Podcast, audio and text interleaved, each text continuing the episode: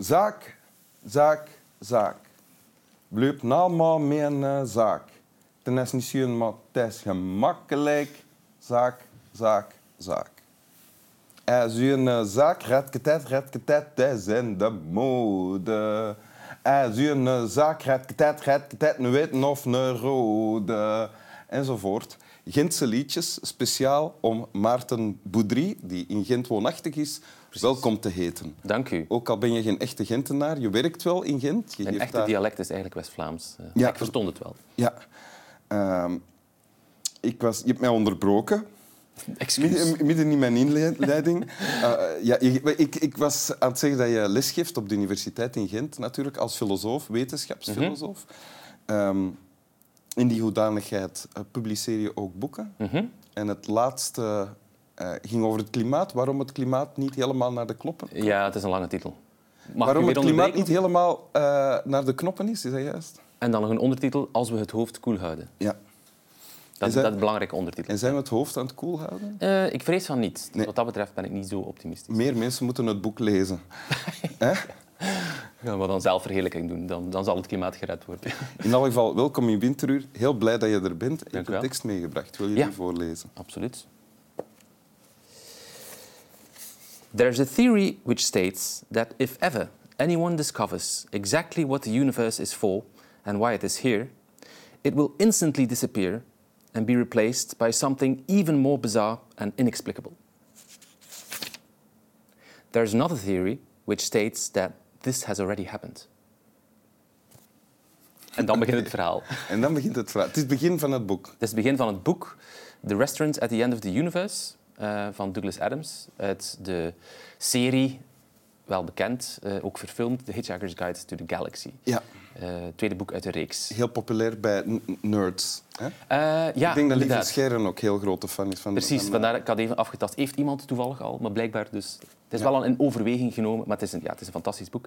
Eh, inderdaad, dat vooral nerds aanspreekt, dus ik pleit schuldig wat dat betreft. En wat staat hier? Wil je eerst even vertalen wat er staat? Dus er is een theorie die zegt... Eh, er is een theorie die zegt dat als iemand ooit ontdekt eh, ja, wat precies eh, het universum betekent en waar het voor bedoeld is, Ja? eh, dat het ogenblikkelijk zal verdwijnen en zal eh, vervangen worden door iets anders dat nog meer bizar en nog onbegrijpelijker is.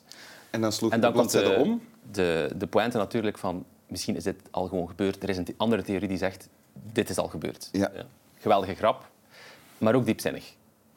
Op zich staat het los van de rest van het verhaal. Het, het, het verhaal is te knotsgek om samen te vatten. Ja. Ehm, Hitchhiker's Guide to the Galaxy is een, is een, is een boek, eh, een legendarisch boek over ja, eh Ja, het is science fiction, maar het is eigenlijk ook het is science fiction, maar het is vooral geschift en, en, en humoristisch. Ja. Ehm, maar het zit ook vol met filosofische, metafysische, logische ideeën, gewoon spitsvondigheden. Ehm, bijvoorbeeld ook beroemd van eh, The Answer to the Ultimate Question of Life, the Universe and Everything. 42, 42. Dat is ook iets dat nerds altijd... Als je dat in Google intikt, antwoordt Google echt, want bij Google zit het vol met nerds natuurlijk, eh, 42. Dat is Oh ja, een eh, beroemde scène uit het boek. Maar terug nu naar de tekst die Ja. jij hebt voorgelezen. Dus als, er, eh, als ooit iemand eh, ontdekt waarvoor het eh, universum dient, of Mhm. Ja. de kosmos, het al dient, dan zal het eh, oplossen in het niet Ja. en vervangen worden door Precies. Iets anders. een nog gekker Het lijkt een beetje op een, eh, een, een soort theologie eh, die in, in de middeleeuwen populair was, waarbij God werd voorgesteld als iemand die zich doelbewust terugtrok uit het universum. Een beetje alsof hij schuchter was en verlegen en hij wou eigenlijk niet ontdekt worden. Eh, en daarom bijna als een soort van kosmische complottheorie. Ehm, en dit toegepast op het universum, alsof het universum niet begrepen wil worden. Dus dat het actief zich verzet tegen onze pogingen om het te begrijpen. Eh, dat is natuurlijk een grap. Ik bedoel, dat uiteraard het universum is blind en doelloos enzovoort. Maar het is wel een interessant idee, omdat eh, ook in mijn onderzoek, eh, er is daar hele filosofische literatuur over, de vraag, is ons brein wel uitgerust om het universum te begrijpen? Want het universum Ja. is bizar en onbegrijpelijk. Je zou simpel uitgedrukt, ligt dat aan het universum? Is dat gewoon omdat het universum zelf bizar en onbegrijpelijk is voor iedereen, ook voor andere wezens, buitenaardse wezens? Of ligt het eigenlijk aan ons brein? Want eh, ons brein is uiteraard niet geëvolueerd. Het is niet gemaakt om het universum te begrijpen. Het is gemaakt om te overleven in een bepaalde omgeving. Roofdieren te herkennen, eh, giftige planten van voedzame planten te onderscheiden. Niet om kwantummechanica te doen of Een, een- een, relativiteitstheorie. een vraag die eraan vooraf gaat nog. Bij mij toch, is Hm? waarom zou je het universum willen begrijpen? Ah, ja, precies. Ja. Je moet natuurlijk eerst de wens hebben om het universum te begrijpen. Eh, daar moet je misschien ook een nerd voor zijn, dat weet ik niet. Of iemand Ik zou het universum wel willen begrijpen. Ja. Ik las vandaag nog in de krant dat, eh, dat er een mysterie is eh, in dus de theorie van de uitdijing van het universum. Het universum dijt eigenlijk te snel uit volgens onze theorieën. Dus er is een anomalie die onverklaarbaar is en Wacht hoor, het snijdt... het te- sneller uit snel dan we zouden verwachten op basis van eh, Ah, onze de theoretische voorspellingen. Ja, ja. Dus er is iets dat niet klopt. Er moet ergens een factor zijn waar we geen rekening mee houden. Dus Mhm. nu, er is, dat is maar één iets dat we niet begrijpen aan het universum. Er is nog van alles dat we niet begrijpen. En ehm, ja, ik wil, graag, ik wil de wereld graag begrijpen. En de vraag is, dus er is een filosofische hypothese die stelt, de wereld op zich is perfect begrijpelijk. Alleen, wij zijn er niet voor toegerust. Het is alsof we, ja, ons geest, onze geest is een soort instrument en dat heeft een aantal vaardigheden, eh, maar sommige zaken ehm, kan het niet aan. Maar voor een buitenaards wezen bijvoorbeeld, met een brein dat anders in elkaar zit, dat anders geëvolueerd is, zou dat misschien wel mogelijk zijn. En is dat aanvaardbaar voor iemand als jij, iemand, een filosoof, die, ja, bij, bij wie alles begonnen is vanuit, denk ik, het eh, ervaren als spel van, van begrijpen? Wel, het is op zich aanvaard. Als het zo is, dan zal ik het uiteraard aanvaarden. Het is, bedoel, ik ga niet aan wensdenken doen. Maar ik geloof wel ehm, dat de mensen die dat argument eh, verdedigen te pessimistisch zijn.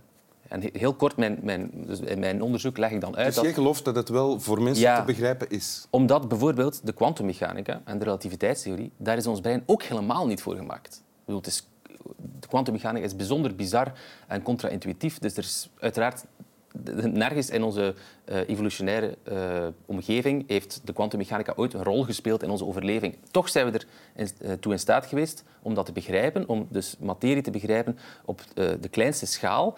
En dat heeft te maken met onze collectieve intelligentie. Onze collectieve intelligentie laat ons eigenlijk toe om onze biologische beperkingen te overstijgen. Onze collectieve intelligentie. Ja, dus dat is, dat is wetenschappers die met elkaar samenwerken om de beperking van hun eigen brein, de beperking van hun zintuigen in de eerste plaats, maar ook die van hun denken, met behulp van wiskunde, met behulp van computers enzovoort, om dat te gaan overstijgen en om eigenlijk... Wetenschappers die ook verder denken op basis van het werk dat eerder wetenschappers hebben... Ja, daarom denk ik dat de, de, het idee van harde limieten van ons eigen kernapparaat, van ons brein, dat dat een beetje misleidend is. Omdat het gaat niet zozeer om een naakt brein, want natuurlijk als naakt brein eh, alleen op een onbewoond eiland zal je nooit de kwantummechanica ontwikkelen.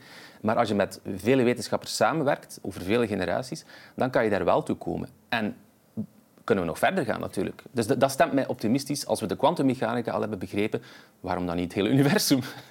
Oké, w- wat Tenzij het universum het niet wil natuurlijk. Dan, dan, eh, Ja, maar wat de begrijpen we al van het universum? Is er al iets? Oh ja, absoluut. Ja, We hebben uiteraard, eh, we begrijpen, dus vroeger dachten we ja, dat de aarde in het midden van, van de kosmos stond en, dat, en dan hadden we geen flauw benul van wat die planeten of ja. sterren waren. We hadden ook geen idee van dus waar materie uit bestond enzovoort. Dat, dat weten we allemaal. Enfin, allemaal, er zijn nog eh, manco's in onze kennis natuurlijk. Maar we zijn al heel ver vooruit gegaan. Ehm, en ik ben vrij optimistisch dus over de toekomst. Ik denk wel dat het steeds moeilijker zal worden. Er, is een soort van... Het is alsof- alsof je steeds verder in een moeras wegzinkt. Dus je kan nog steeds wel vooruitkomen, maar het kost steeds meer moeite omdat het steeds verder verwijderd is eigenlijk van onze, van onze ervaring, van onze, eh, van onze, van onze dagelijkse Oh ja. beleving. Wa- wa- Dus waarvan we ons hebben nieuwe, geniale, abstracte denkers nodig die nog veel verder daarin kunnen duiken. Ja, maar zelfs duizenden wetenschappers die samenwerken. Bijvoorbeeld de, de meting van het, de massa van het Higgs-boson in het CERN. Dat is een paper die gepubliceerd is met letterlijk duizenden co-auteurs. Dus voor mij is dat een fantastisch voorbeeld van collectieve intelligentie, omdat geen enkele van die co-auteurs begrijpt waarschijnlijk alles van het Higgs-boson of van dat hele experiment. Maar toch, door hun kennis samen te leggen, door aan een soort van taakverdeling te doen, zijn ze daar toch toe in staat. Dus ik denk dat we nog meer, nog meer samenwerken en, en nog grotere deeltjesversnellers natuurlijk. Eigenlijk bedenk ik me nu, gesteld dat we er ooit zouden eh, bij uitkomen, bij een punt Mhm. waarop we het universum begrijpen. Hier staat, eh, er is een theorie die zegt dat als iemand ooit ontdekt? Waar het universum voor dient, dat is nog iets anders dan het begrijpen, toch? Ja, ja, precies. Er staat eigenlijk letterlijk, wat staat er? What the universe is for. Ik moet eventjes kijken. Ja, what the universe is for. Ehm, uiteindelijk, de- ik weet het natuurlijk niet, want want we begrijpen nog niet alles van het universum. Wie weet komen we uit, eh, ooit te weten dat het universum echt ontworpen is met een bepaalde bedoeling. De kans lijkt mij zeer klein. Maar de, de, eh, vermoedelijk is het universum er gewoon, heeft het geen enkele betekenis en geen enkele functie. Maar werkt het wel op een bepaalde manier? En Ja. bedoel, dat op zijn minst kunnen we dan eh, begrijpen. Dus dat is ook een beetje deel van de grap, dat iemand dan... Het is intentioneel, als iemand het op, met een bepaalde reden heeft ontworpen, en die, wil, die is een beetje jaloers of zo, die wil niet dat die reden ontmaskerd wordt. Dus van zodra dat iemand die reden begrijpt, dan doet hij gewoon iets anders en maakt Ja. hij het nog onbegrijpelijker. Als eh, ja, iemand die zich bijna op de achtergrond houdt en niet gezien wil Ja, worden. niet ontdekt wil. Wil je het nog eens voorlezen? Zeker. There is a theory which states that if ever anyone discovers exactly what the universe is for and why it is here, it will instantly disappear and be replaced by something even more bizarre and inexplicable. There is another theory which states that this has already happened. Dank u. Alsjeblieft. Slap wel.